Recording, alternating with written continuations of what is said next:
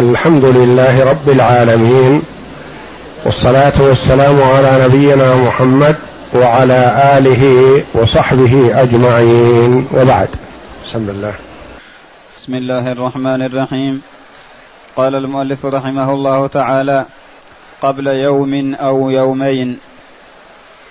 قبل يوم أو يومين من وفاة رسول الله صلى الله عليه وسلم. بيان لحالة مرضه عليه الصلاة والسلام وعرفنا أن المرض بدأ به صلى الله عليه وسلم في اليوم التاسع والعشرين من شهر صفر سنة إحدى عشرة من الهجرة. عليه الصلاة والسلام. بدأ به المرض ثم أخذ يزداد شيئا فشيئا حتى ثقل وكان عليه الصلاة والسلام حال مرضه يقسم بين نسائه ينتقل من واحدة إلى الأخرى. فلما ثقل واشتد به المرض بدأ يسأل أين أنا غدا؟ أين أنا غدا؟ فأدركت أمهات المؤمنين رضي الله عنهن حاجته ورغبته فأذن له في أن يبقى في البيت الذي يريد ويقمن هن بزيارته رضي الله عنهن. فلما أذن له طلب من علي والفضل ابن عباس رضي الله عنهما بأن يعضداه إلى بيت عائشة رضي الله عنها. وأخذ المرض يشتد به شيئا فشيئا وذلك أنه عبد من عباد الله جل وعلا. لا يملك لنفسه نفعا ولا ضرا إلا ما أعطاه الله جل وعلا. فاشتد به المرض وأخذ يخرج إلى الصلاة ويصلي بالناس يقتدي به أبو بكر والمسلمون يقتدون بأبي بكر. ثم ثقل فلم يستطع الخروج فأمر عائشة رضي الله عنها أن تأمر أبا بكر في أن يصلي بالناس. فراودته بأن يكلف غير أبي بكر خشية أن يتشاءم الناس ويكره الناس من يكون بعد رسول الله صلى الله عليه وسلم فأكد عليها بأن تأمره بالصلاة وزجرها وقال إن كن صواحب يوسف. وقال عليه الصلاة والسلام يأبى الله والمسلمون إلا أبا بكر. فأخذ أبو بكر يصلي بالناس والنبي صلى الله عليه وسلم أحيانا يطلع عليهم يكشف الستر الذي بينه وبينهم ويراهم صفوفا خلف أبي بكر فيسر بهذا عليه الصلاة والسلام. وقد تدرج المؤلف رحمه الله من يوم إلى يوم حتى يوم وفاته عليه الصلاة والسلام. فقال هنا قبل يوم أو يومين. شك من الراوي هل كان هذا الفعل يوم السبت أو يوم الأحد. إن كان يوم السبت فهو قبل يومين من الوفاة وإن كان يوم الأحد فهو قبل يوم من وفاته صلى الله عليه وسلم. نعم. ويوم السبت أو الأحد وجد النبي صلى الله عليه وسلم في نفسه خفة فخرج بين رجلين لصلاة الظهر. وأبو بكر رضي الله عنه يصلي بالناس فلما رآه أبو بكر رضي الله عنه ذهب ليتأخر فأومأ إليه صلى الله عليه وسلم بألا يتأخر وقال أجلساني إلى جنبه فأجلساه إلى يسار أبي بكر رضي الله عنه. أجلساه إلى يسار أبي بكر يعني صار صلى الله عليه وسلم هو الإمام وأبو بكر رضي الله عنه مأموم وأبو بكر يسمع من النبي صلى الله عليه وسلم لأن صوته ضعف عليه الصلاة والسلام. ثم أبو بكر يبلغ المصلين خلفه. نعم. وجلوس على يسار أبي بكر أنه هو الإمام لأن الإمام يجعل المأموم معه على يمينه. نعم. فكان أبو بكر رضي الله عنه يقتدي بصلاة رسول الله صلى الله عليه وسلم ويسمع الناس التكبير. نعم. قبل يوم. نعم. وقبل يوم من الوفاة يوم الأحد أعتق النبي صلى الله عليه وسلم غلمانه وتصدق بسبعة دنانير كانت عنده ووهب للمسلمين أسلحته. وقبل يوم من وفاته صلى الله عليه وسلم اعتق غلمانه عليه الصلاة والسلام. ما ترك شيئا عليه الصلاة والسلام سوى هؤلاء الغلمان اعتقهم قبل وفاته عليه الصلاة والسلام. وتصدق بسبعة دنانير هذه تركته عليه الصلاة والسلام. سبعة دنانير هذا كل ما خلف. وكان صلى الله عليه وسلم يعطي الرجل مئة من الإبل ثم مئة من الإبل ثم مئة من الإبل ثلاثمائة من الإبل في مجلس واحد. وأعطى رجلا غنما بين جبلين لا يحصيها عد.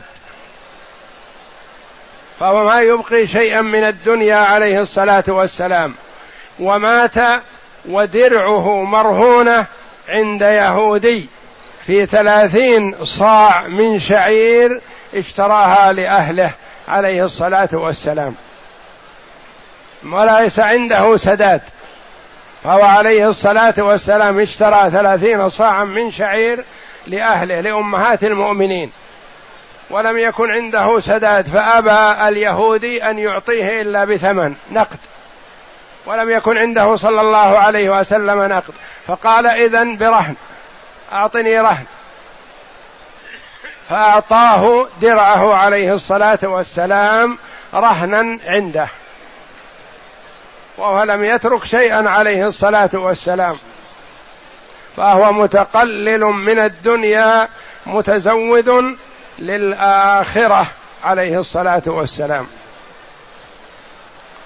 وكان ما بيده حال وفاته سبعه دنانير تصدق بها عليه الصلاة والسلام لأنه قال عليه الصلاة والسلام قبل هذا نحن معاشر الأنبياء لا نورث. ما تركناه صدقة. ولما أرسلت فاطمة رضي الله عنها تطلب من أبي بكر رضي الله عنه ميراثها من رسول الله صلى الله عليه وسلم أخبرها بقوله عليه الصلاة والسلام بأنه ما ترك شيئا ولو ترك شيئا لكان صدقة. ما يورث لأنه عليه الصلاة والسلام هو الذي أخبر قال نحن معاشر الأنبياء لا نورث ما تركناه صدقة. وكان رضي الله عنه يقدم فاطمة رضي الله عنها على ولده ويحترمها لكن طاعة رسول الله صلى الله عليه وسلم وامتثال ما أمر به أولى. نعم. ووهب للمسلمين اسلحته للجهاد في سبيل الله ما كان عنده من السلاح. فكان يأخذ السلاح عليه الصلاة والسلام وهذا دليل على أنه على المسلم أن يأخذ بالأسباب. وأن الأخذ بالأسباب لا ينافي التوكل فهو أعظم وأكثر الناس توكلا على الله جل وعلا. ومع ذلك كان يأخذ السلاح إذا خرج للقتال ويلبس لامة الحرب ويلبس ويظاهر بين درع ودرعين عليه الصلاة والسلام ويفعل الأسباب. ومن الأسباب اختفاؤه في غار ثور لما أراد الهجرة وأخذه الدليل ليدله على طريق المدينة خشية الضياع وهكذا. فالأخذ بالأسباب لا ينافي التوكل. ولما قال له الأعرابي يا رسول الله أعقلها أو أتكل؟ يقصد ناقته. قال أعقلها واتكل. اعقلها خذ بالأسباب واتكل على الله. المسلم مأمور بأن يأخذ بالأسباب ويتكل على الله جل وعلا لأنه أحيانا لا تنفع الأسباب. حتى لو أخذ بالأسباب ما نفعت. ولكن يأخذ بالأسباب ويتكل على الله جل وعلا. نعم. وفي الليل استعارت عائشة رضي الله عنها الزيت للمصباح من جارتها. ما كان فيه شيء ما كان عندها شيء. رضي الله عنها. نعم. وكانت درعه صلى الله عليه وسلم مرهونة عند يهودي بثلاثين صاعا من شعير. آخر يوم من الحياة. نعم. روى أنس بن مالك رضي الله عنه أن المسلمين بيناهم في صلاة الفجر يوم الاثنين وأبو بكر رضي الله عنه يصلي بهم. لم يفاجئهم إلا رسول الله صلى الله عليه وسلم. كشف ستر حجرة عائشة رضي الله عنها فنظر إليهم. وهم في صفوف الصلاة. ثم يوم الاثنين في صلاة الفجر التي توفي فيها ضحى عليه الصلاة والسلام. وجد نشاطا وخفة فكشف الستر ليطلع. يسر عليه الصلاة والسلام بصفوف المسلمين وصلاتهم خلف أبي بكر الصديق رضي الله عنه. فلما لاحظ المصلون كشف الستر فرحوا وكادوا أن يختلفوا في صلاتهم فأشار إليهم أن يبقوا على حالهم ولم يستطع الخروج إليهم إلا أنه كان في ذلك اليوم أخف وأنشط من الأيام التي قبل. فكان في يوم الاثنين أنشط من قبله. ولذا لما رأى أبو بكر رضي الله عنه نشاط رسول الله صلى الله عليه وسلم يوم الاثنين وكان مرابط حول النبي صلى الله عليه وسلم خرج إلى أهله يزورهم في السنح خارج المدينة رضي الله عنه. فجاءه الخبر بعدما وصل هناك بوفاة رسول الله صلى الله عليه وسلم واختلاف الناس في ذلك فرجع رضي الله عنه. ثم تبسم. ثم تبسم يضحك. سرورا بصلاة المسلمين خلف أبي بكر رضي الله عن الجميع. فنكص أبو بكر على عقبيه ليس أراد أن يتأخر يتراجع ليتقدم النبي صلى الله عليه وسلم يصلي بهم نعم. فنكص أبو بكر رضي الله عنه على عقبيه ليصل الصف وظن أن رسول الله صلى الله عليه وسلم يريد أن يخرج إلى الصلاة فقال أنس رضي الله عنه وهم المسلمون أن يفتتنوا في صلاتهم فرحا برسول يعني الله صلى الله عليه وسلم. صلى الله عليه وسلم معه شيء من النشاط. فرحا. وهم المسلمون. وهم المسلمون أن يفتتنوا في صلاتهم فرحا برسول الله صلى الله عليه وسلم. فأشار إليهم بيده رسول الله صلى الله عليه وسلم أن أتموا صلاتكم. ثم دخل الحجرة وأرخى, وأرخى الستر.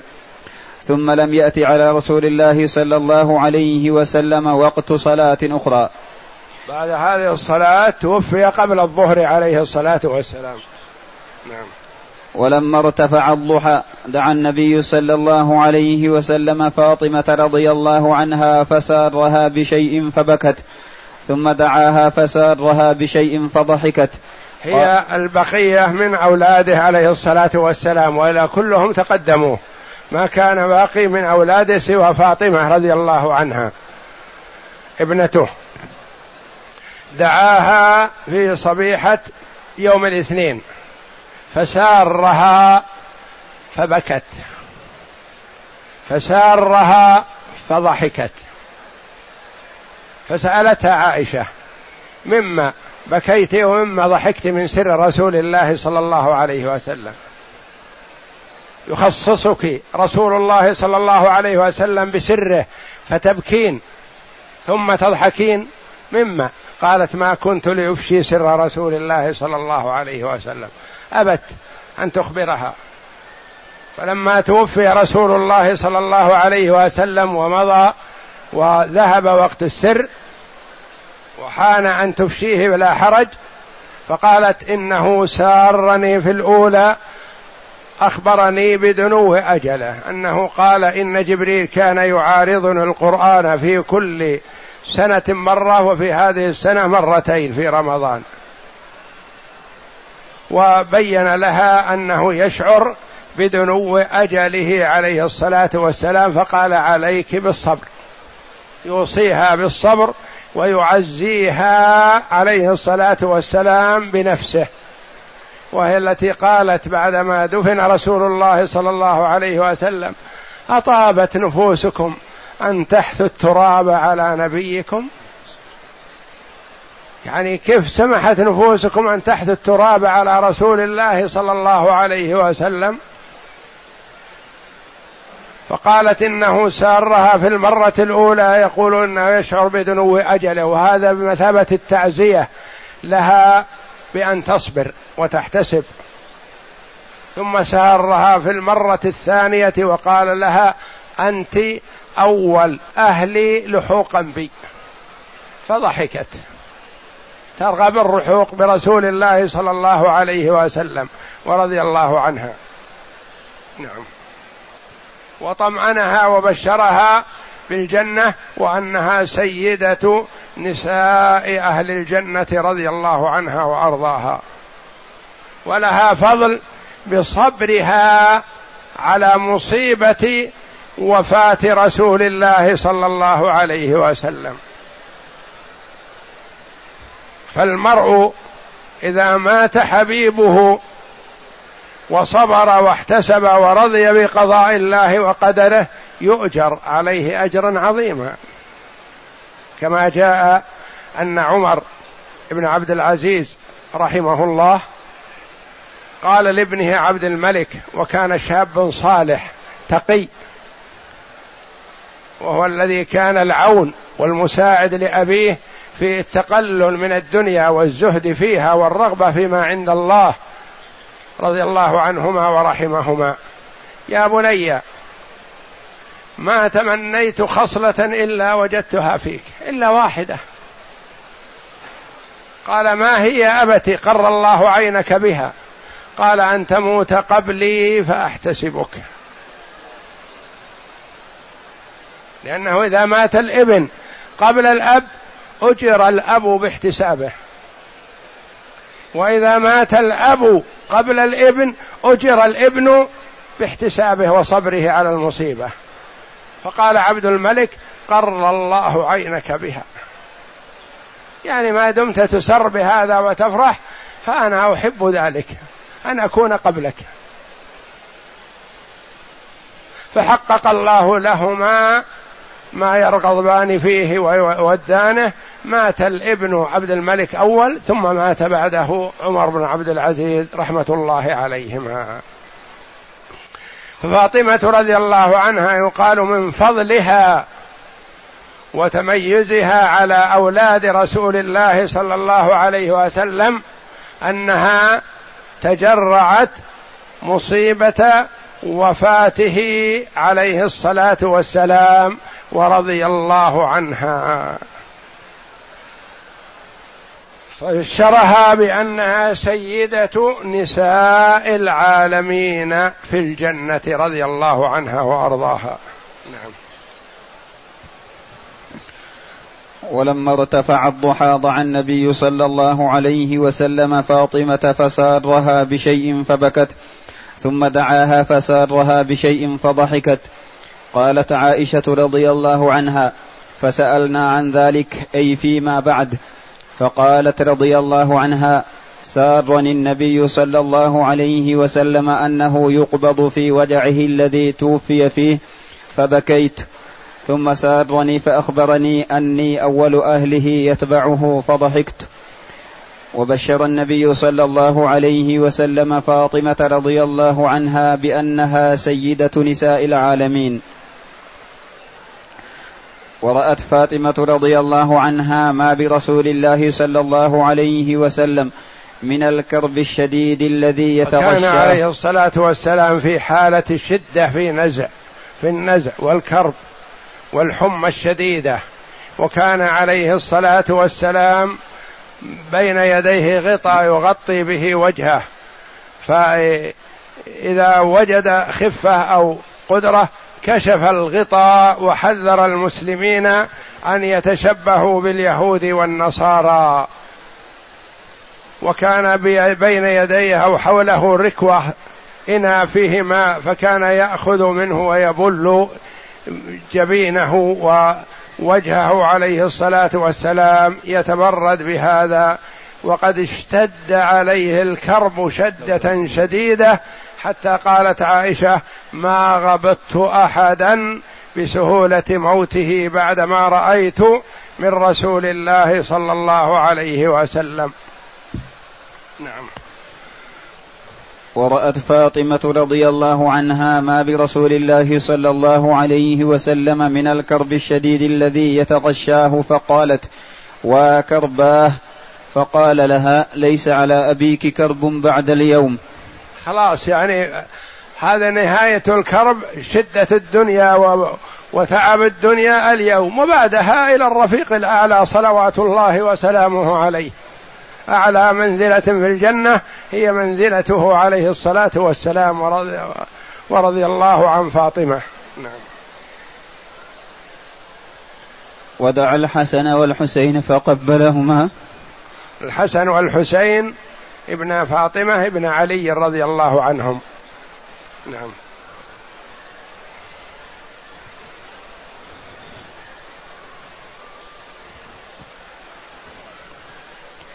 نعم. قبلهما بمثابة التوديع لهما فهما ريحانته ومن أحب الناس إليه صلوات الله وسلامه عليه. وأوصى بهما خيرا. مع وصيته صلى الله عليه وسلم الحسن رضي الله عنه تنازل عن الخلافة لحقن دماء المسلمين. وأما الحسين رضي الله عنه وأرضاه فتعدى عليه من تعدى وقتلوه رضي الله عنه وأرضاه مع وصية رسول الله صلى الله عليه وسلم. ودعا أزواجه فوعدهن وذكرهن. وتفق الوجع يشتد ويزيد. وقد ظهر أثر الثم الذي أكله بخيبر.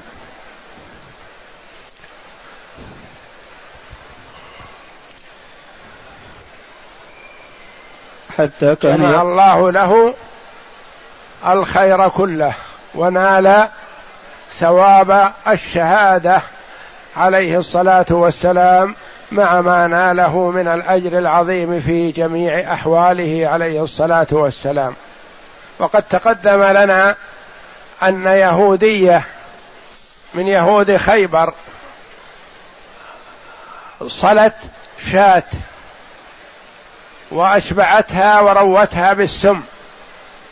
تريد قتل رسول الله صلى الله عليه وسلم وسألت أي أنواع اللحم أحب إلى رسول الله؟ قالوا الذراع. فزادت السم في الذراع. فقدمت الشاة بين يدي رسول الله صلى الله عليه وسلم فأكل منها من حوله وأخبر بأنها مسمومة فتوقف عليه الصلاة والسلام إلا أنه نال منها شيء. ف لم تضر رسول الله صلى الله عليه وسلم في وقتها لحكمة يريدها الله جل وعلا. عند وفاته أحس بالسم الذي قدم له في الشاة المصلية. وقد دعيت اليهودية هذه وقيل لها ما حملك. فقالت قلت إن كان ملك استرحنا منه. تقتله بهذا لأن أرسلت بمثابة ضيافة له. تريد أن يأكل منها. إن كان ملك استرحنا منه وإن كان نبي فلا تضره. وقتلت هذه اليهودية لأن بعض من أكل مات بهذا السم. فقتلها النبي صلى الله عليه وسلم قصاصا بمن قتلته بهذا السم. وأخبر عليه الصلاة والسلام يوم قبيل موته بأنه يجد أثر السم الذي في خيبر سنة سبع من الهجرة. في أول السنة السابعة هذا السم واللحم قدم له وتوفي عليه الصلاة والسلام في أول السنة الحادية عشرة. وقد ظهر أثر السم الذي أكله بخيبر حتى كان يقول يا عائشة ما أزال أجد ألم الطعام الذي أكلت بخيبر فهذا أوان وجدت انقطاع أبهري من ذلك السم. يعني و... هذا أوان أن يقتلني السم. ما أذن الله جل وعلا للسم أن يفتك به صلى الله عليه وسلم إلا لما تم أجله عليه الصلاة والسلام. نعم. وأوصى الناس صلى الله عليه وسلم فقال الصلاة الصلاة وما ملكت أيمانكم وكرر ذلك مرارا. فهو عليه الصلاة والسلام يعاني من الكرب الشديد وسكرات الموت ومع هذا يوصي أمته صلى الله عليه وسلم بقوله الصلاة الصلاة. وذلك لأهمية الصلاة. ولأنها الركن الأعظم من أركان الإسلام بعد شهادة لا إله إلا الله وأن محمد رسول الله. ولأهميتها أن جميع الشرائع شرعت للنبي على النبي صلى الله عليه وسلم ونزلت عليه وهو في الأرض سوى الصلاة. فلما أراد الله جل وعلا فرضها على أمة محمد صلى الله عليه وسلم عرج بالرسول صلى الله عليه وسلم إلى السماوات العلى وتقدم حتى وصل إلى مكان لم يصل إليه جبريل عليه السلام.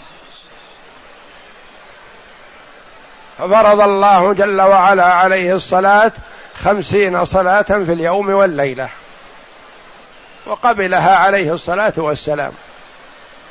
ونزل صلى الله عليه وسلم حتى مر بموسى عليه السلام في السماء السابعة أو السماء السادسة. فقال له ماذا فرض عليك ربك؟ قال خمسين صلاة في اليوم والليلة.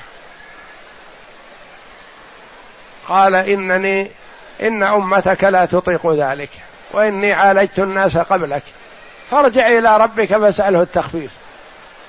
فالتفت صلى الله عليه وسلم إلى جبريل كالمستشير له. فقال له إن شئت.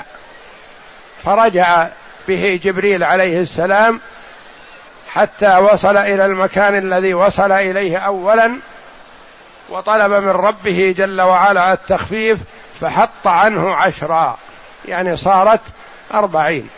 فعاد فسأله موسى فقال حط عني عشرة قال إن أمتك لا تطيق ذلك وإني عالجت الناس قبلك.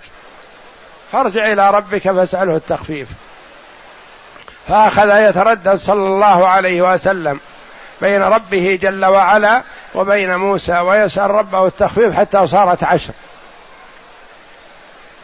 فقال حط عني عشرة يعني بقي عشر. فقال إن أمتك لا تطيق ذلك وإني عالجت الناس قبلك. فارجع إلى ربك فاسأله التخفيف. فرجع صلى الله عليه وسلم فحط عنه خمس وبقي خمس. فعاد إلى موسى فقال له ارجع إلى ربك فاسأله التخفيف فإن أمتك لا تطيق ذلك. قال قد استحييت من ربي لحكمة يريدها الله جل وعلا. فنادى مناد أمضيت فريضتي وخففت عن عبادي فهي خمس في الفعل خمسون في الأجر لمن وفقه الله بالمحافظة عليها. فهي أهم أركان الإسلام بعد شهادة أن لا إله إلا الله وأن محمدا رسول الله. وهي الفارق بين المسلم والكافر. العهد الذي بيننا وبينهم الصلاة فمن تركها فقد كفر. بين الرجل وبين الكفر أو الشرك ترك الصلاة. فإن تابوا وأقاموا الصلاة وآتوا الزكاة فخلوا سبيلهم لا تقاتلونهم ما داموا يصلون. فإن تابوا وأقاموا الصلاة وآتوا الزكاة فإخوانكم في الدين. ما دام أنه يصلي فهو أخونا في الدين. وإذا لم يصلي فليس بأخ بل هو عدو. وهو عليه الصلاة والسلام يحرص ويحرض أمته وهو يعاني من سكرات الموت عليه الصلاة والسلام. الصلاة الصلاة وما ملكت أيمانكم في ملك اليمين في الأرقة. ويتبعهم كذلك الأجراء. ويتبعهم ما كان في ملك الإنسان من بهائم أو كذا. ممن لا يستطيع ولا يملك لنفسه نفعا ولا ضرا إلا ما يأتيه من مالكه أو سيده. فأوصى بهم خيرا عليه الصلاة والسلام. الصلاة تحريض عليها تكرارها تحريض وتأكيد عليه الصلاة والسلام. وهي آخر ما يفقد من الدين. إذا فقدت الصلاة فلا دين حينئذ ولا إسلام. وكما قال عليه الصلاة والسلام أول ما تفقدون من دينكم الأمانة وآخر ما تفقدون منه الصلاة. وكرر ذلك مرارا عليه الصلاة والسلام. نعم. الاحتضار. وبدا الاحتضار فأسندته صلى الله عليه وسلم عائشة رضي الله عنها إليها. وكانت تقول حضور ملائكة الرحمة لديه صلى الله عليه وسلم وظهور آثار الموت عليه.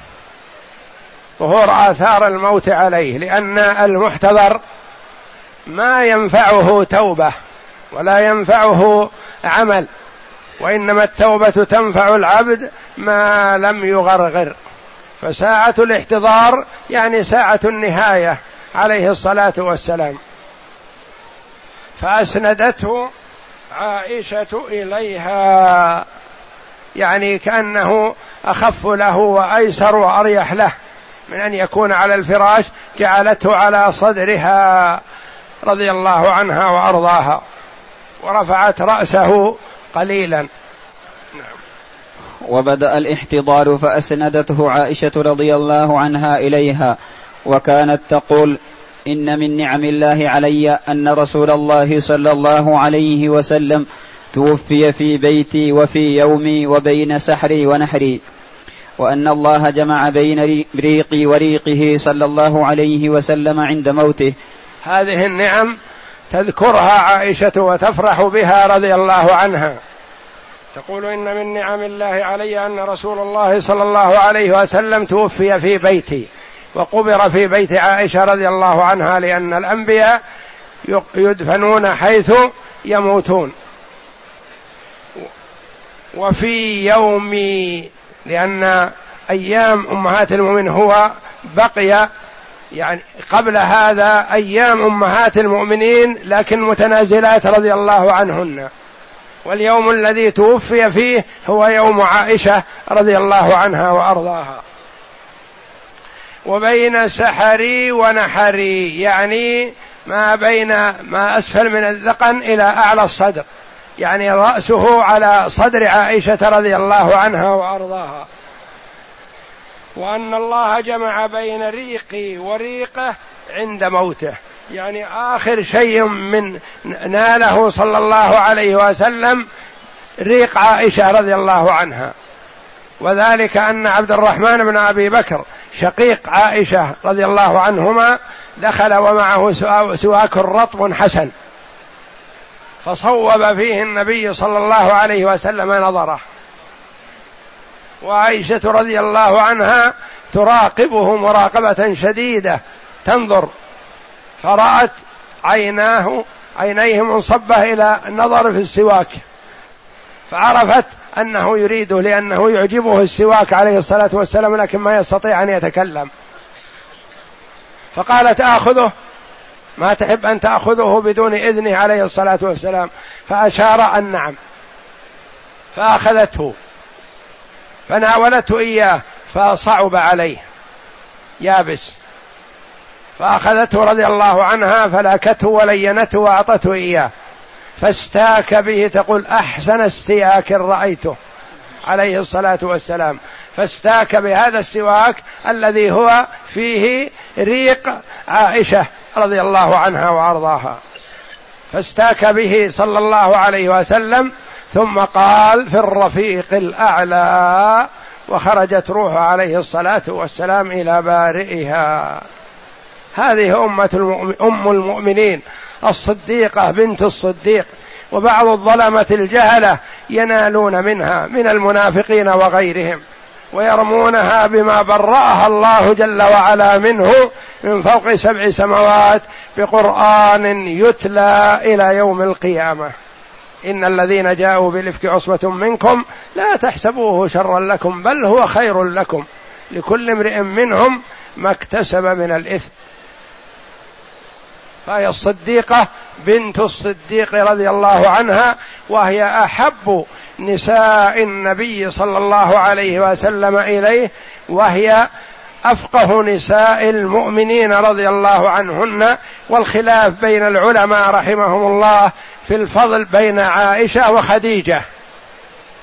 فقال بعض العلماء لعائشة خديجة لعائشة رضي الله عنها فضل ما نالته خديجة. ولخديجة رضي الله عنها فضل ما نالته عائشة. فلكل واحدة لها ميزة تميزت بها رضي الله عنهما.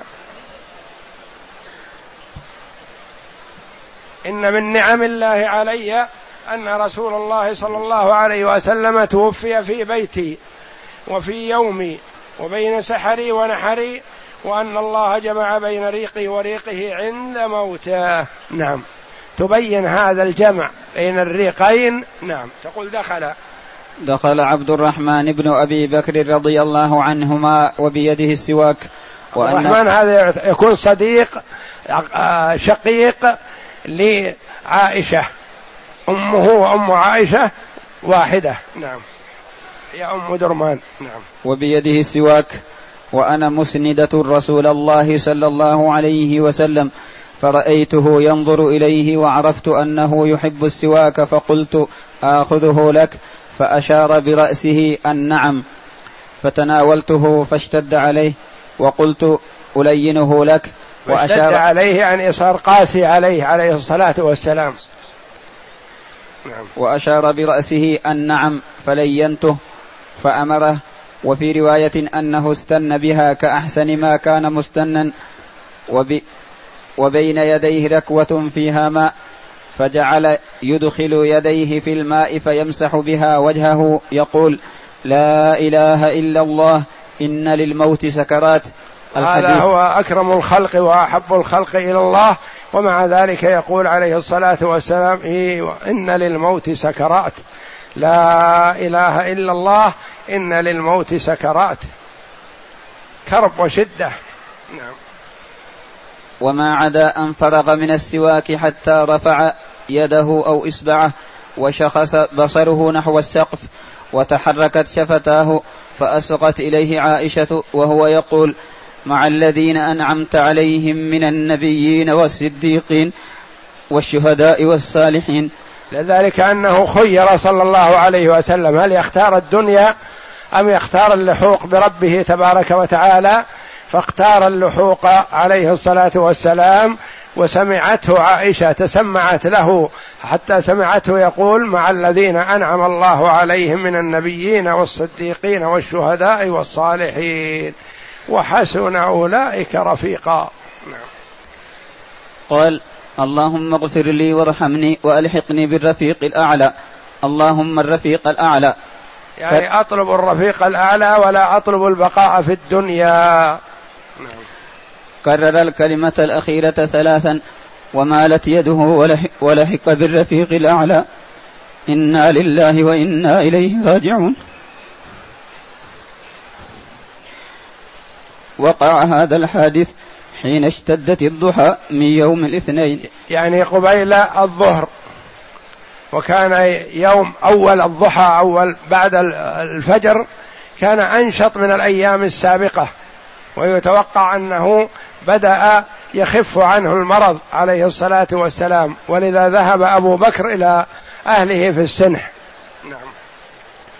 الثاني عشر ربيع الأول السنة الحادية عشر من الهجرة وقد تم له صلى الله عليه وسلم ثلاث وستون سنة وزادت أربعة أيام. ثلاث وستون سنة وزيادة أربعة أيام. وكلها في العمل والجهاد في سبيل الله عليه الصلاة والسلام.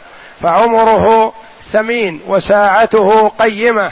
ما ذهب منها شيء بلا فائدة ولا بقي في حال شيخوخة أو عجز أو كبر عليه الصلاة والسلام في جهاد منذ أرسله الله جل وعلا حتى لحق بالرفيق الأعلى صلوات الله وسلامه عليه بعد حجته التي حجها وهي الحجة الأولى والأخيرة بعد هجرته صلى الله عليه وسلم. هل حج قبل هجرته أو لا؟ محل خلاف بين العلماء رحمهم الله. لكن الحج ما فرض عليه إلا بعد هجرته صلى الله عليه وسلم وحج في السنة العاشرة من الهجرة وتوفي في أول السنة الحادية عشرة من الهجرة. نعم. قال المؤلف رحمه الله تعالى تفاقم الأحزان على الصحابة. نعم عاد تفاقم الأحزان على الصحابة. قول المؤلف رحمه الله تعالى تفاقم الأحزان على الصحابة رضي الله عنهم بموت رسول الله صلى الله عليه وسلم.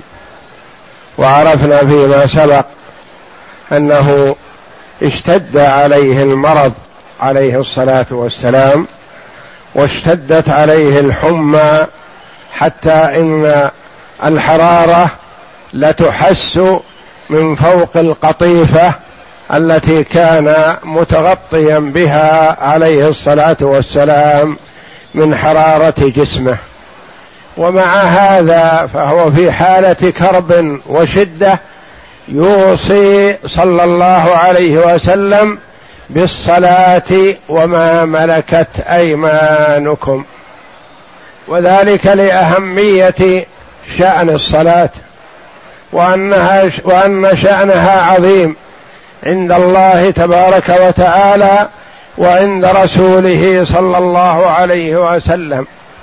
وتبسم سرورا عليه الصلاة والسلام يوم موته يم لما كشف الستر عنه بينه وبين المصلين ورآهم صفوفا خلف أبي بكر الصديق رضي الله عنه وعن الصحابة أجمعين.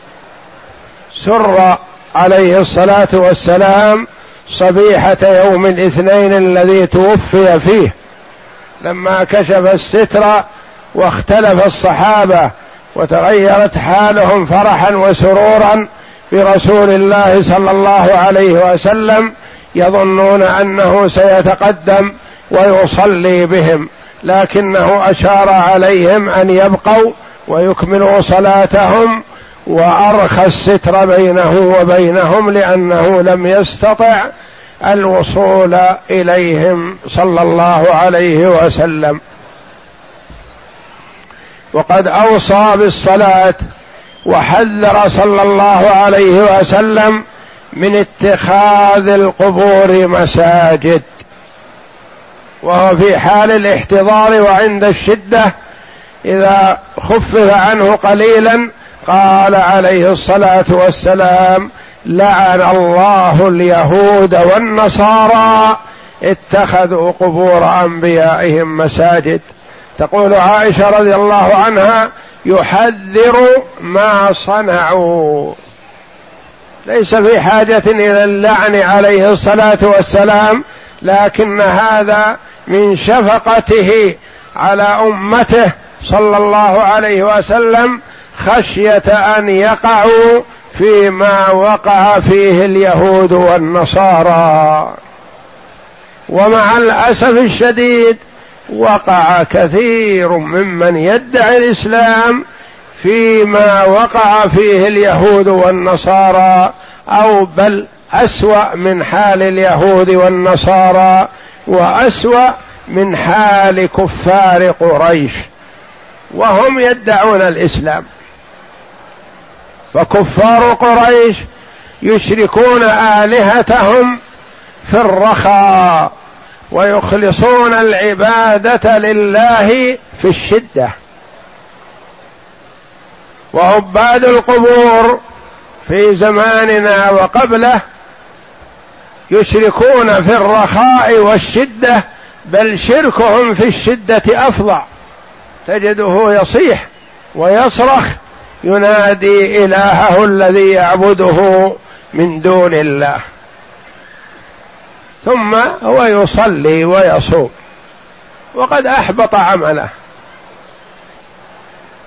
لكن لغلبة الجهل صار كثير ممن يدعي الإسلام يقعون في أعظم وأفظع من شرك أبي جهل وأبي لهب. وما ذاك إلا لغلبة الجهل. وبعد الناس عن التشريع النبوي. يحذر صلى الله عليه وسلم من أمور يخشى أن تقع فيها الأمة ووقعت كما أخبر وكما خشي. وقد أخبر صلى الله عليه وسلم بذلك لتتبعن سنن من كان قبلكم حذو القذة بالقذة. قالوا يا رسول الله اليهود والنصارى؟ قال فمن؟ إذا يعني لتتبعن سنن اليهود والنصارى وهو لعن اليهود والنصارى باتخاذ قبور أنبيائهم مساجد واتخذت هذه الأمة بل كثير منها اتخذوا القبور مساجد. فقل أن تجد بلدا من بلدان من ينتسبون إلى الإسلام إلا وفيها قبور تعبد من دون الله ويصرف لها العبادة التي لا تصلح إلا لله. وقد طهر الله والحمد لله هذه البلاد ببركة دعوة الإمام المجدد الشيخ محمد بن عبد الوهاب رحمه الله ومناصرة الإمام محمد بن سعود له رحمه الله.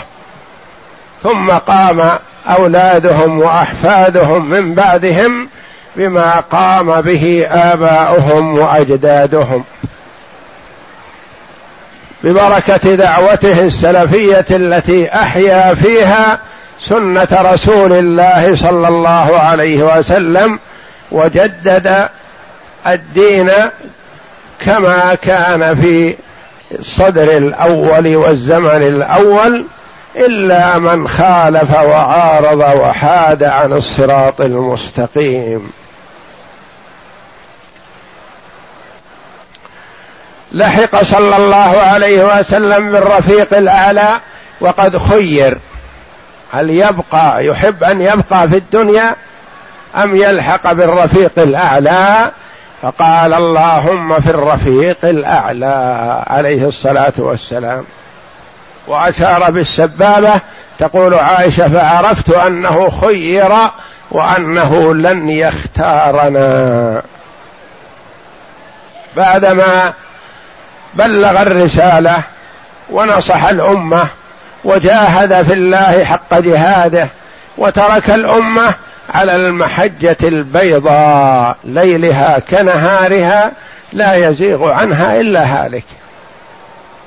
حملها من بعده صحابته رضي الله عنهم وأفضلهم أبو بكر الصديق رضي الله عنه الذي ثبته الله جل وعلا وقواه. تفاقم الأحزان. وفاة الرسول صلى الله عليه وسلم. وارتداد كثير من العرب عن الإسلام. وبعضهم قالوا ما نرتد لكن ما ندفع الزكاة لأبي بكر. نصلي ونصوم والزكاة ندفعها لمحمد ولا ندفعها لأبي بكر. والجيش مجهز لغزو الروم. تبقى المدينة خالية. وقبائل العرب ارتدت. فما الموقف؟ الصحابة رضي الله عنهم كثير منهم قال لأبي بكر لا يذهب جيش أسامة للشام. ونحن في أمس الحاجة إلى الحماية والدفاع عن المدينة تتكالب علينا قبائل العرب.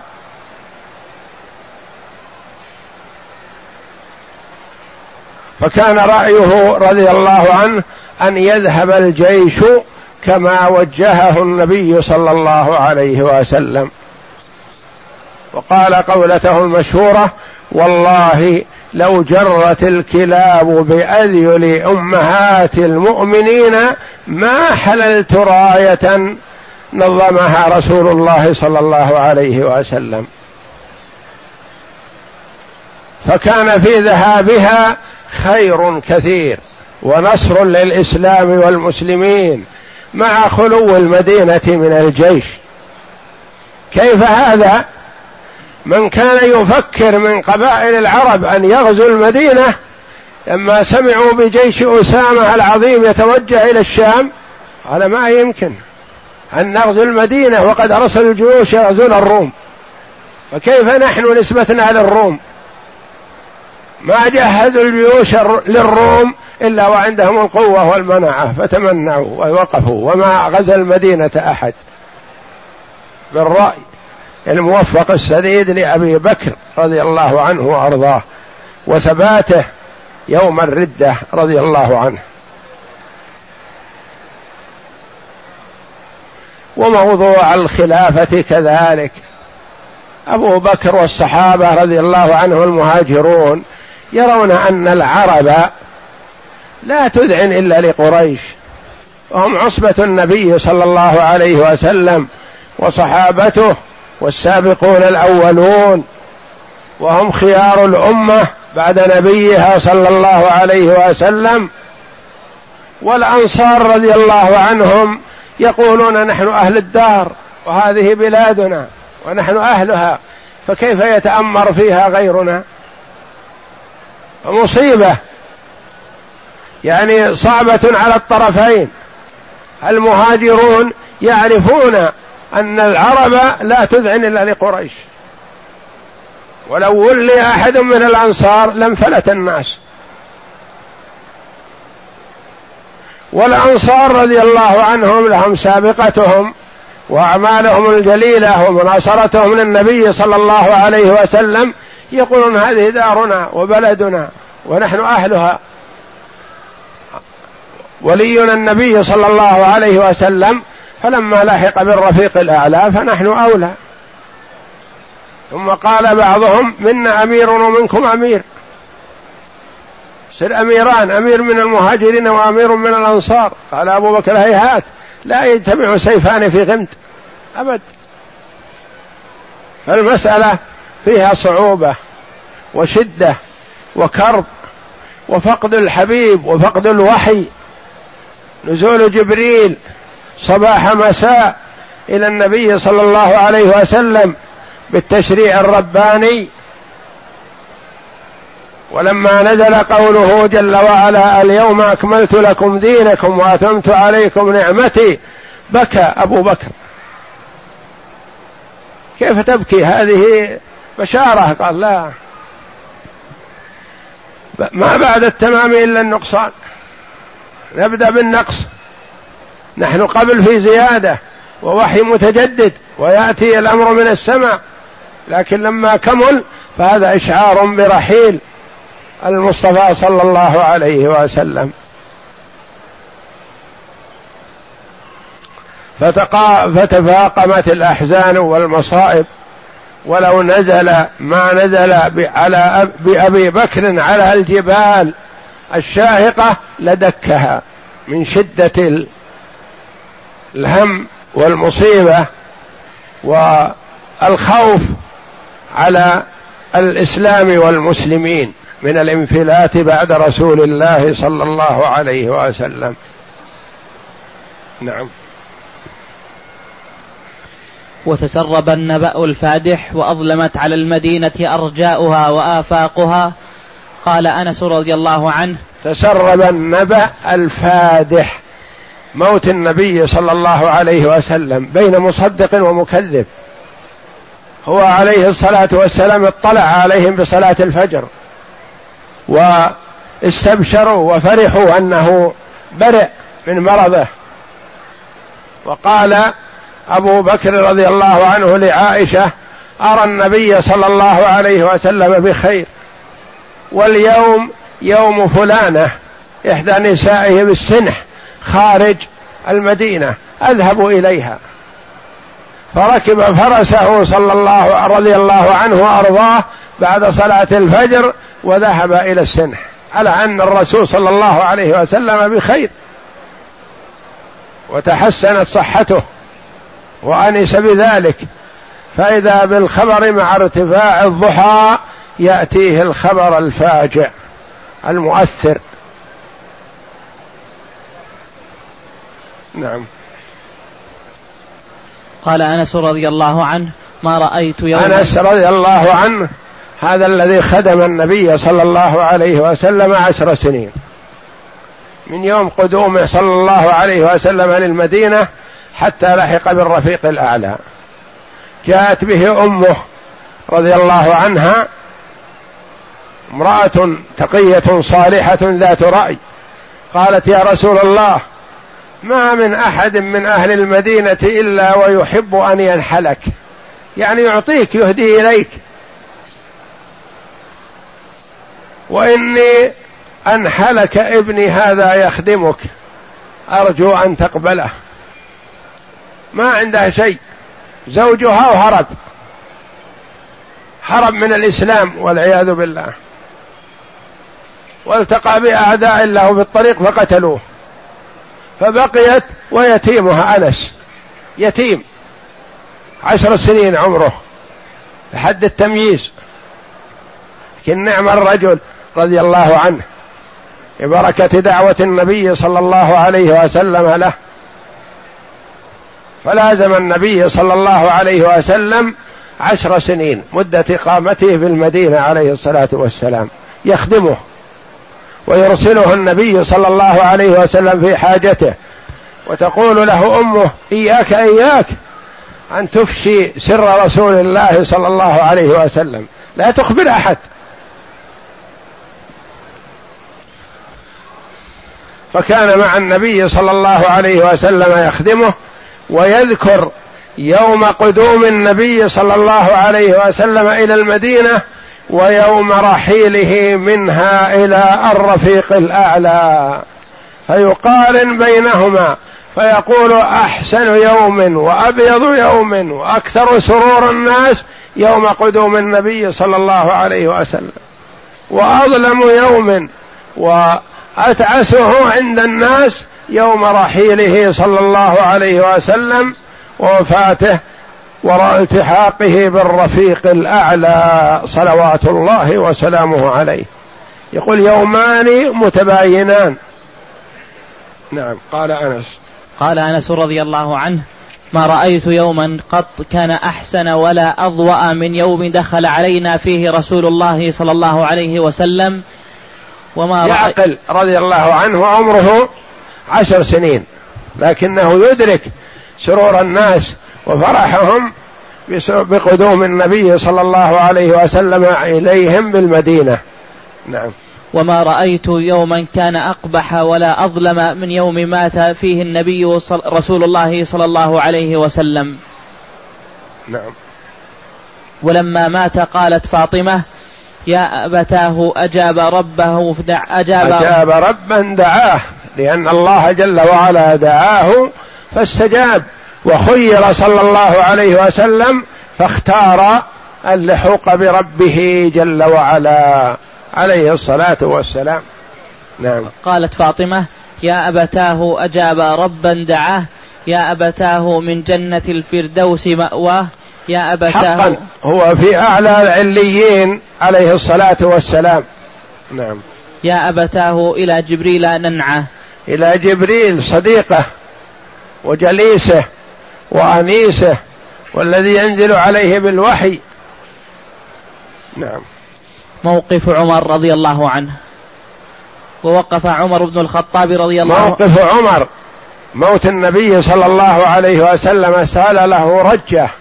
عند الناس حتى الرجال الأقوياء الأشدة أصحاب الرأي الذي ينزل القرآن بموافقة آرائهم عمر رضي الله عنه ارتبك من وفاة النبي صلى الله عليه وسلم. خبر فادح وعظيم ما تتحمله العقول والقلوب. نعم. ووقف عمر بن الخطاب وقد أخرجه الخبر عن وعيه. يقول إن رجالات من المنافقين يزعمون أن رسول الله صلى الله عليه وسلم توفي وإن رسول الله صلى الله عليه وسلم ما مات ولكن ذهب إلى ربه كما ذهب موسى بن عمران فغاب عن قومه أربعين ليلة ثم رجع إليهم من بعد أن قيل قد مات. والله ليرجعن والله ليرجعن. والله ليرجعن رسول الله صلى الله عليه وسلم فليقطعن أيدي رجال وأرجل فليقطعن فليقطعن أيدي رجال وأرج أي أيدي رجال وأرجلهم وأرجلهم. وأرجلهم يزعمون أنه مات. هذا كلام عمر رضي الله عنه. لما قيل له مات النبي صلى الله عليه وسلم ولعله دخل واطلع عليه ما صدق أنه مات. وخرج إلى المسجد يخطب الناس ويتوعدهم. ما أحد يقول مات النبي النبي عرج به إلى ربه وذهب إلى ربه كما ذهب موسى ورجع. ووعدنا موسى أربعين ليلة والآية الأخرى ثلاثين ليلة وأتممناها بعشر فتم ميقات ربه, أربعين ليلة. محمد يقول ذهب إلى ربه مثل ما ذهب موسى وسيأتي. ولا يقطعن أيدي أناس وأرجلهم. يقولون إن محمدا مات ما مات. هذا كلام عمر رضي الله عنه ويتوعد الناس والناس بين مصدق ومكذب. ما ما يدرون عن الحقيقة ما أتاهم شيء. أبو بكر رضي الله عنه لما جاء خبر جاءه الخبر بالسنح وهو خارج المدينة ركب فرسه وجاء. ونزل عند باب المسجد. ودخل على النبي صلى الله عليه وسلم مباشرة لأن ابنته عائشة حجرة عائشة. ودخل وأقبل على النبي صلى الله عليه وسلم وهو مسجى ببردة. فانكب عليه ونظره فإذا هو قد مات. فقبله وبكى وناظره من قبل رجليه وبكى ومن قبل رأسه وبكى ويتردد ويقبله بأبي أنت وأمي طبت حيا وميتا رائحة رائحة الطيب. وقرب الملائكة منه عليه الصلاة والسلام. يشم له رائحة ما تشم في الدنيا وما تعرف. طبت حيا وميتا طيب أخلاقك وأعمالك في حال الحياة حتى بعد الممات التي تسوء حال الناس وتتغير أجسامهم وتتغير روائحهم. أنت طيب في الحياة والممات. ثم قال إن الموتة التي كتبت عليك قد ذقتها. والله لا يجمع الله لك بين موتتين. وبكى عليه رضي الله عنه وأرضاه. ثم خرج إلى الناس. في المسجد مجتمعون. ما يدرون ما الذي حصل. هل هو موت صحيح ولا رفع إلى السماء وسيعود. كما أسري به وعرج به. له سوابق. فقال على رسلك يا عمر. فأبى عمر وهو مطواع لأبي بكر لكن يخشى أن يقول شيء ما ما تميل إليه نفسه. على رسلك يا عمر مرتين أو ثلاث انتظر وهو عمر يتكلم رضي الله عنه. فافتتح بالحمد لله والصلاة والسلام على رسول الله. لما بدأ يتكلم انصرف الناس عن عمر. جاء من هو أولى منه بالاستماع. الآن خرج من عند النبي صلى الله عليه وسلم. سيأتيهم بالخبر الصحيح. وتركوا عمر سكت عمر مما انصرف الناس عنه رضي الله عنه. فتلا أبو بكر رضي الله عنه بعدما حمد الله وأثنى عليه قائلا من كان يعبد محمدا فإن محمدا قد مات.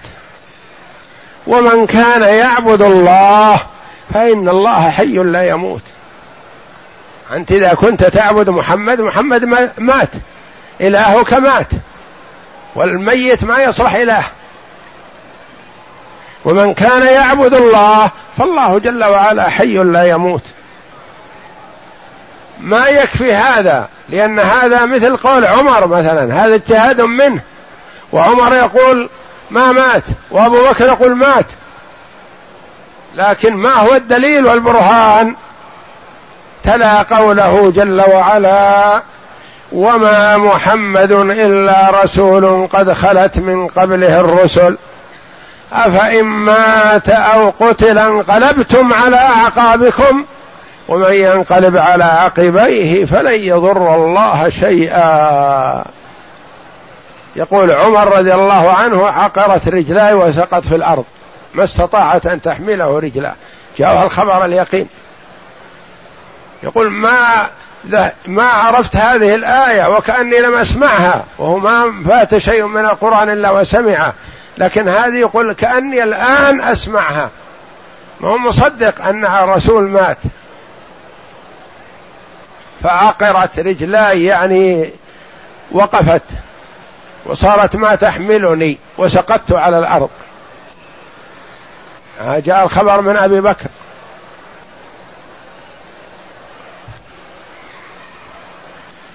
نعم. موقف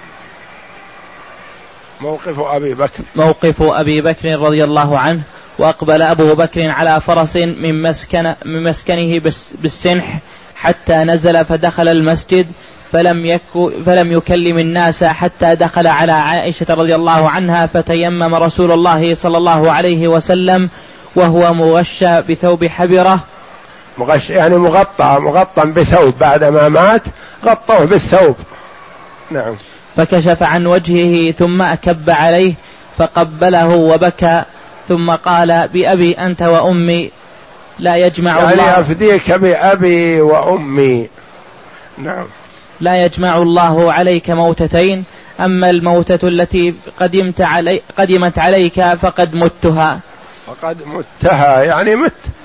هذا الموت الحقيقي. ما ذهب إلى ربه وسيرجع وإنما ذهب ولن يرجع إلى الدنيا. ثم خرج أبو بكر وعمر يكلم الناس فقال اجلس يا عمر. فأبى أن يجلس. فأقبل الناس إليه وتركوا عمر فقال أبو بكر أما قال إنه قال له مرتين أو ثلاث اجلس يا عمر على رسلك يا عمر. ما أقبل رضي الله عنه. نعم. فقال أبو بكر أما بعد من كان يعبد محمدا صلى الله عليه وسلم فإن محمدا قد مات.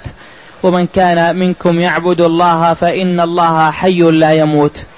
قال الله تعالى وما محمد إلا رسول قد خلت من قبله الرسل أفإن مات أو قتل انقلبتم على أعقابكم ومن ينقلب على عقبيه فلن يضر الله شيئا وسيجزي الله الشاكرين. هذا إخبار من الله جل وعلا بأن محمد رسول مثل الرسل السابقين والسابقون الرسل كلهم ماتوا. وما محمد إلا رسول قد خلت يعني مضت مثله. قد خلت من قبله الرسل. افان مات أو قتل يعني محتمل أن يموت. والله جل وعلا يعلم مآله لكن يقول للأمة إن مات أو قتل. إن مات على فراشه أو قتل في المعركة لأنه يحضر المعارك وهو المقدام عليه الصلاة والسلام الشجاع أو أو قتل انقلبتم على أعقابكم تكفرون بالله إذا مات محمد. أنتم تعبدون الله والله حي لا يموت. انقلبتم على أعقابكم ثم قال جل وعلا ومن ينقلب على عقبيه فلن يضر الله شيئا. لأن الله جل وعلا لا تنفع طاعة المطيع ولا تضره معصية العاصي. وإنما طاعة المطيع لنفسه ومعصية العاصي على نفسه. يقول الله جل وعلا في الحديث القدسي يا عبادي إنما هي أعمالكم أحصيها لكم ثم أوفيكم إياها. فمن وجد خيرا فليحمد الله ومن وجد غير ذلك فلا يلومن إلا نفسه. يا عبادي لو أن أولكم وآخركم وإنسكم وجنكم كانوا على أتقى قلب رجل واحد منكم ما زاد ذلك في ملكي شيئا. ولو أن أولكم وآخركم وإنسكم وجنكم كانوا على أفجر قلب رجل واحد منكم ما نقص ذلك في ملكي شيئا. يا عبادي لو أن أولكم وآخركم وإنسكم وجنكم قاموا في صعيد واحد فسألوني فأعطيت كل إنسان منكم مسألته ما نقص ذلك مما عندي إلا كما ينقص المخيط إذا أدخل البحر. يا عبادي إنما هي أعمالكم أحصيها لكم ثم أوفيكم إياها. فمن وجد خيرا فليحمد الله الذي وفقه للعمل الصالح لأنه ما يستطيع المرء أن يوفق نفسه. الله وفقه. ومن وجد غير ذلك غير الخير وهو الشر فلا يلومن إلا نفسه. هذا عملك. هذا عمل الكفر والضلال هذا جزاؤه. هذا الذي قدم. ومن وجد غير ذلك فلا يلومن إلا نفسه. والله جل وعلا أقام الحجه على العباد. وهديناه النجدين. بينا له طريق الخير وطريق الشر. هل يخفى طريق الخير اليوم على الناس؟ لا والله. وهل يخفى طريق الشر؟ لا. كل شيء بين.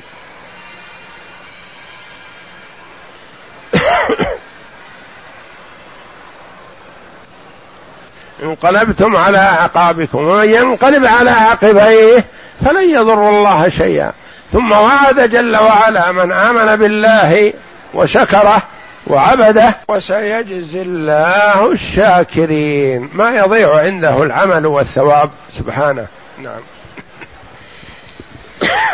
قال ابن عباس رضي الله عنه والله لكأن الناس لم يعلموا أن الله أنزل هذه الآية حتى تلاها أبو بكر. فتلقاها منه الناس كلهم فما أسمع فقه أبي بكر رضي الله عنه واستنباط من الآية. ما قيل له الآية كذا هات الآية كذا. تدبر القرآن رضي الله عنه واستنبط الآية المناسبة وأتى بها استدلالا على قوله. ما جاء بشيء من عنده رضي الله عنه. فتلاها فتلقاها منه الناس فما أسمع بشر. حري بطالب العلم إذا أراد أن يبين حكما من الأحكام أن يستدل يبرهن على ما يقول بكتاب الله أو سنة رسوله صلى الله عليه وسلم؟ لأنه ما الدليل الذي يثبت الأمر ويقنع السامع. إذا قلت هذا كذا وكذا والله جل وعلا يقول كذا. خلاص. وما كان لمؤمن ولا مؤمنة إذا قضى الله ورسوله أمرا أن يكون لهم الخيرة من أمرهم. أما أن يقول المرء القول بدون أن يبرهن عما يقول ويستدل يكون محتمل للصدق والكذب ومحتمل للخطأ ومحتمل للزلل والنسيان والزيادة والنقص. نعم. قال ابن عباس. قال ابن عباس والله لكأن الناس لم يعلموا أن الله أنزل هذه الآية حتى تلاها أبو بكر فتلقاها منه الناس فما أسمع بشرا من الناس إلا يتلوها. كل واحد يتلوها. يعني ما كانوا كانوا ذاهلين عنها غافلين عن هذه الآية. نعم. قال ابن المسيب قال عمر والله ما هو إلا أن سمعت أبا بكر تلاها فعق فعقرت فعقرت يعني الرجلي صارت ما تحملني. فعقرت حتى ما تقل ما, تق ما تقلني رجلاي حتى أهويت إلى الأرض حين سمعته تلاها وعلمت أن النبي صلى الله عليه وسلم قد مات. علم يقين أن الرسول صلى الله عليه وسلم قد مات. نعم. التجهيز وتوديع الجسد الشريف إلى الأرض.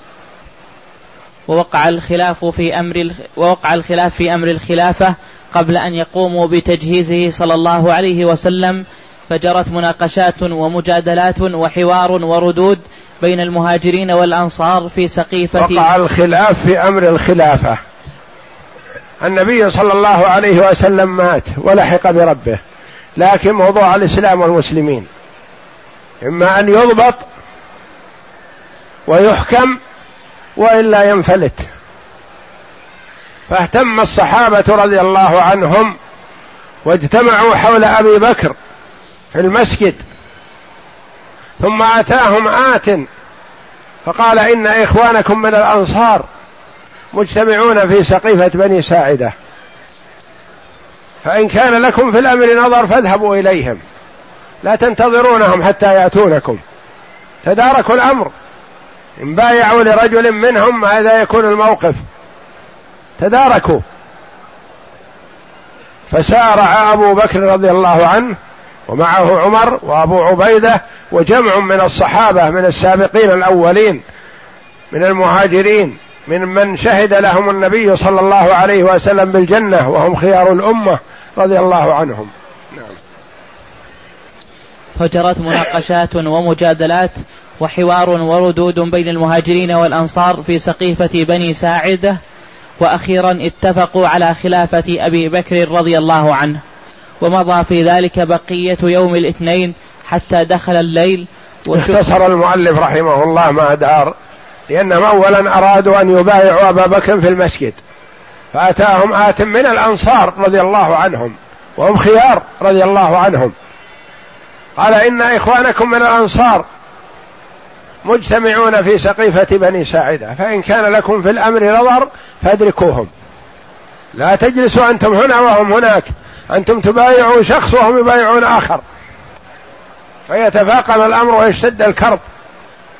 ويحصل الخلاف. والخسارة على الإسلام والمسلمين. فسارعوا رضي الله عنهم. سارعوا. وهم في الطريق. عمر رضي الله عنه يرتب كلمات سيقولها لإخوانه الأنصار لأجل قنعهم في البيعة لأبي بكر. فلما أراد أن يتكلم سكته أبو بكر رضي الله عنه وهو يذعن رضي الله عنه لأبي بكر والا هو ما يذعن لأحد رضي الله عنه إلا لرسول الله ولأبي بكر. قوي الشكيمه صارم قوي في الحق. ما سلك طريقا إلا سلك الشيطان طريقا غير طريق عمر.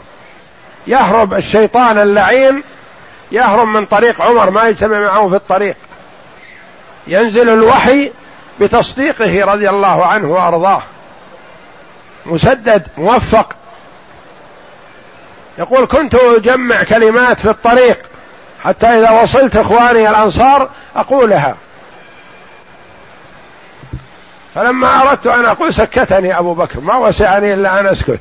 هو يكون رضي الله عنه مع أبي بكر كالصبي مع أبيه ما يجادل.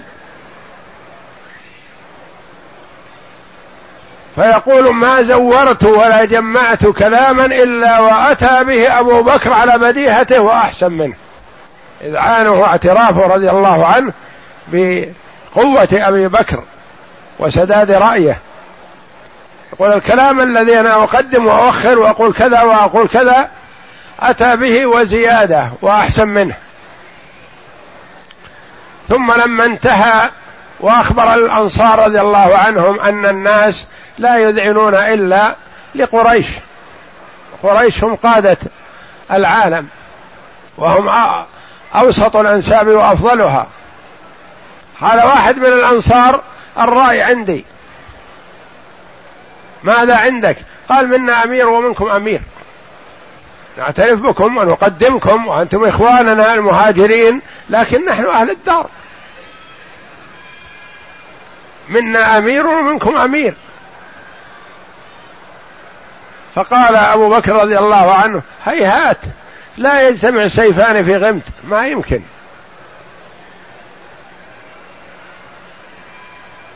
ثم عزم رضي الله عنه وقال اخترت لكم أحد هذين الرجلين.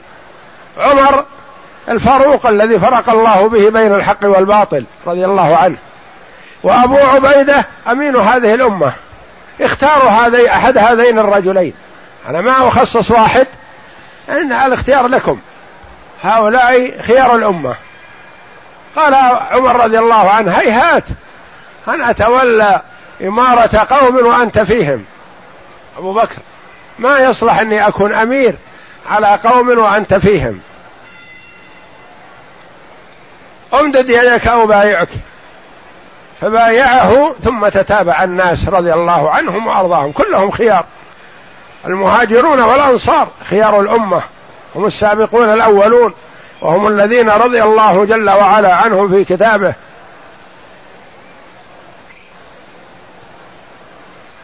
فبايعوه ثم بيعة العامة في المسجد. لكن هذه البيعة الخاصة التي هي رؤوس الناس وكبراءهم من المهاجرين والأنصار. المهاجرون الذين كانوا مع النبي ومع أبي بكر رضي الله عنه والأنصار الذين تجمعوا في سقيفة بني ساعدة يريدون أن يبايعوا واحد منهم. فبايعوا أبا بكر رضي الله عنه وانحلت كربة وشدة وهم للصحابة رضي الله عنهم خشية أن ينفلت الأمر ويخسر الإسلام والمسلمين هذا الاجتماع والتعاضد والتعاون بعدما كانوا متنافرين قبل في الجاهلية ثم ألفهم الله جل وعلا بمحمد صلى الله عليه وسلم ثم خشوا أن يرجعوا إلى حالتهم السابقة قبل مجيء النبي صلى الله عليه وسلم إليهم. كان الأنصار الأوس والخزرج متناحرين متقاتلين وهم بنو عم.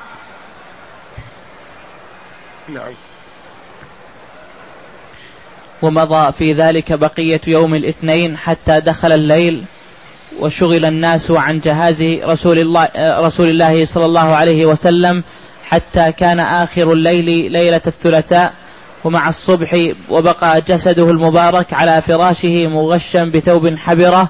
وقد أغلق دونه الباب وقد أغلق دونه الباب أهله. ويوم الثلاثاء غسلوا رسول الله صلى الله عليه وسلم من غير أن يجردوه من ثيابه. وكان القائمون بالغسل, بالغسل العباس وعلي والفضل وقيثم ابن العباس وشقران مولى رسول الله صلى الله عليه وسلم وأسامة بن زيد وأوس بن خولي فكان العباس والفضل وقثم يقلبونه وأسامة وشقران يصبان الماء وعلي يغسله وأوس أسنده إلى صدره ثم كفنوه في وغسلوه عليه الصلاة والسلام ولم يجردوه من ثيابه. عليه الصلاة والسلام احتراما له ولئلا يجرد من ثيابه غسلوه بثيابه ثم كفنوه. نعم. ثم كفنوه في ثلاثة أثواب بيض سحولية من كر من كرصف يعني من قطن. ثياب بيض من قطن. نعم. من كرصف ليس فيها قميص ولا عمامة أدرجوه فيها إدراجا. واختلفوا في موضع دفنه فقال اختلفوا في موضع دفنه وين يدفنون الرسول عليه الصلاة والسلام. هل في مكانه؟ أم يدفنونه في البقيع؟ أم أين؟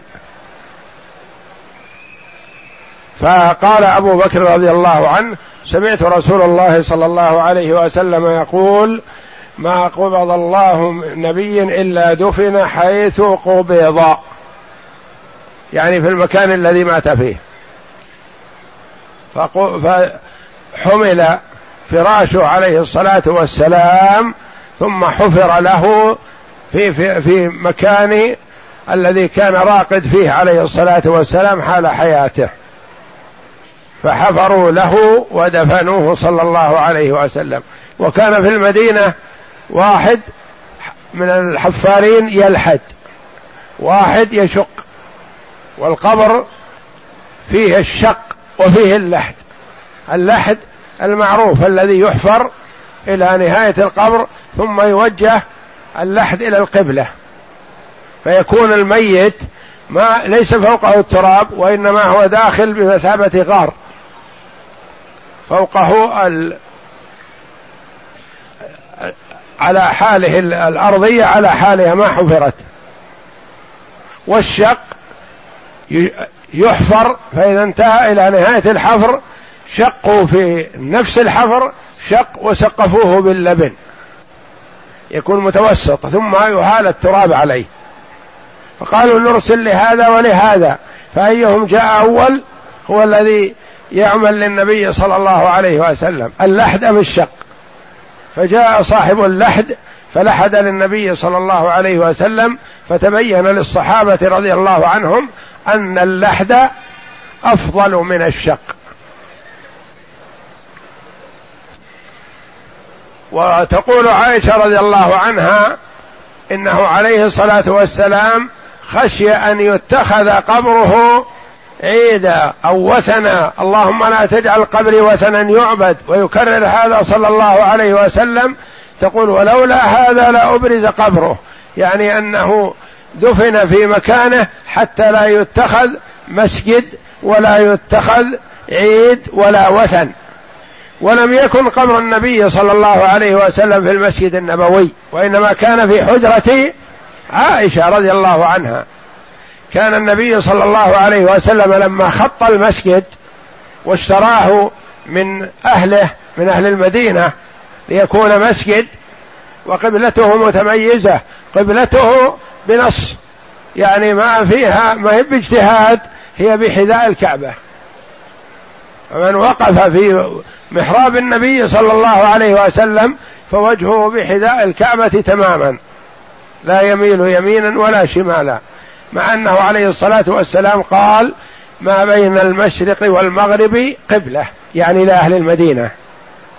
لأن قبلة المدينة جنوب جهة الجنوب. فقال ما بين المشرق والمغرب قبلة. يعني لو حصل انحراف في الأماكن البعيدة فإنه لا يضر والحمد لله. لكن قبلة مسجده صلى الله عليه وسلم بنص. فخط المسجد عليه الصلاة والسلام أول ما خط وأول ما بنى ثم بنى حجر أمهات المؤمنين من الناحية الشرقية في المسجد النبوي. يعني إذا وقف الإنسان في اتجاه المحراب في اتجاه القبلة يكون حجر أمهات المؤمنين على اليسار من ناحية الشرق. مكان قبر النبي صلى الله عليه وسلم هو حجرة عائشة وحجر أمهات المؤمنين منتضدة متواصلة. فلم يكن قبره صلى الله عليه وسلم في المسجد. وبقي هذا زمن الصحابة رضي الله عنهم. لما أراد عمر رضي الله عنه توسعة المسجد النبوي وضاق بالمصلين وسعه من جهة اليمين بالنسبة للواقف على القبلة. من جهة اليمين يعني وسعه من الناحية الغربية. لأن حجر أمهات المؤمنين من الناحية الشرقية وسعه من الناحية الغربية. إذا وقفت في اتجاه القبلة يكون توسعة عمر رضي الله عنه على يمينك. ثم لما ضاق بالمصلين مرة أخرى وكثر أهل المدينة والحمد لله وسعه عثمان رضي الله عنه من الناحية القبلية من ناحية الجنوب.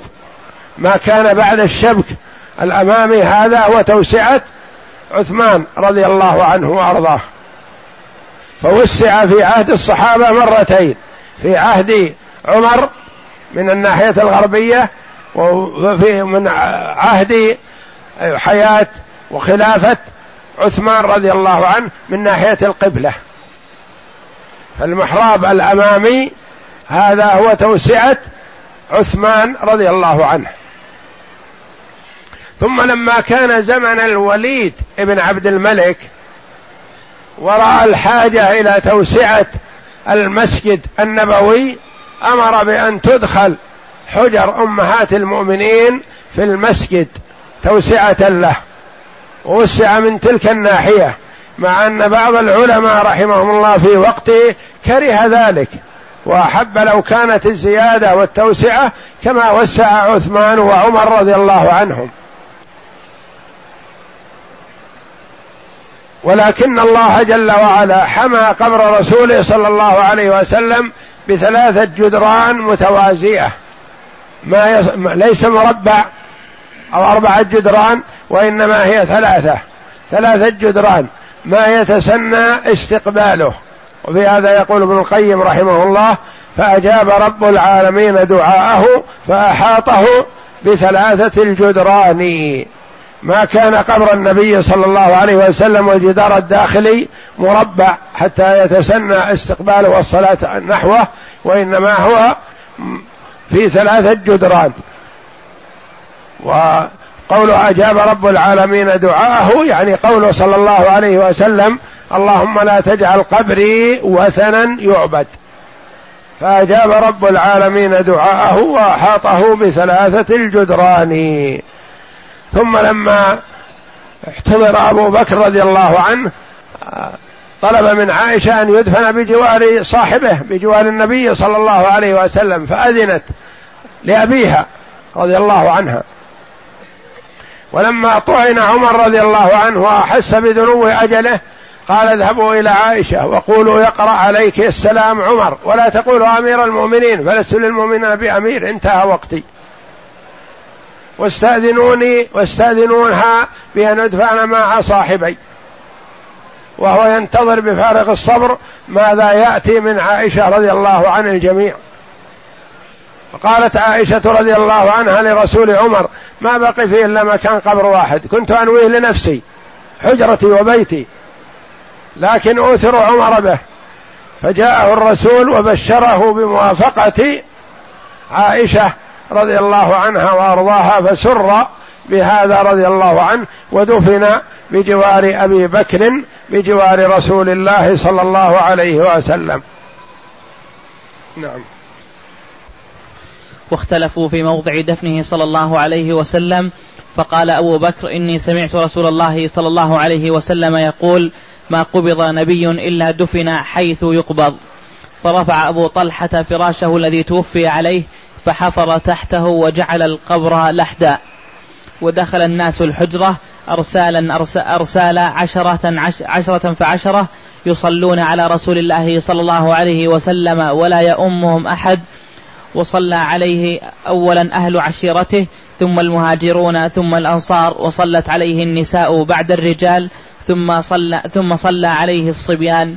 ومضى في ذلك يوم الثلاثاء كاملا حتى دخلت ليلة الإربعاء فقالت عائشة ما علمنا بدفن رسول الله صلى الله عليه وسلم حتى سمعنا صوت المساح من جوف الليل من ليلة الإربعاء.